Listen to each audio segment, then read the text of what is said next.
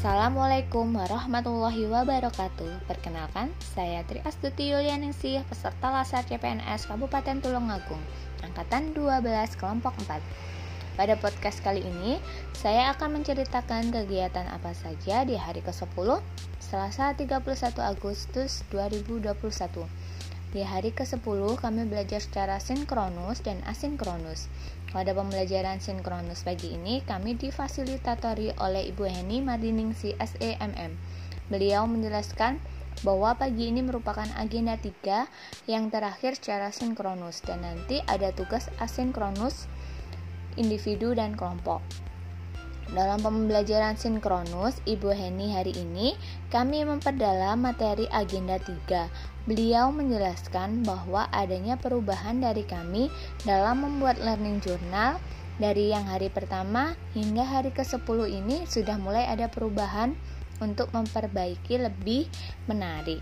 Hal tersebut memotivasi saya untuk membuat learning journal yang lebih menarik lagi. Hari ini saya juga belajar Jangan merasa puas karena kita dibandingkan dengan yang lain, kita itu terlihat kecil. Saya harus terus belajar agar bisa mengejar ketertinggalan saya seiring perkembangan zaman. Ibu Heni memotivasi saya untuk menjadi yang terbaik karena ke depannya banyak sekali persaingan-persaingan yang menuntut kita ke depan menjadi lebih baik. Selain itu, saya juga belajar tentang memberikan pelayanan publik yang primas, sesuai perkembangan zaman sehingga konsumen puas. Tidak lupa, kita harus empati kepada rekan kerja yang sudah senior dengan memberikan atau mengajarkan dengan tekun dan sabar. Insya Allah, itu merupakan ilmu yang bermanfaat, yang mana nanti pahalanya akan mengalir baik di dunia maupun di akhirat kelak. Setelah itu, kami membahas tugas kelompok yang dikerjakan tanggal 30 Agustus 2021 kemarin.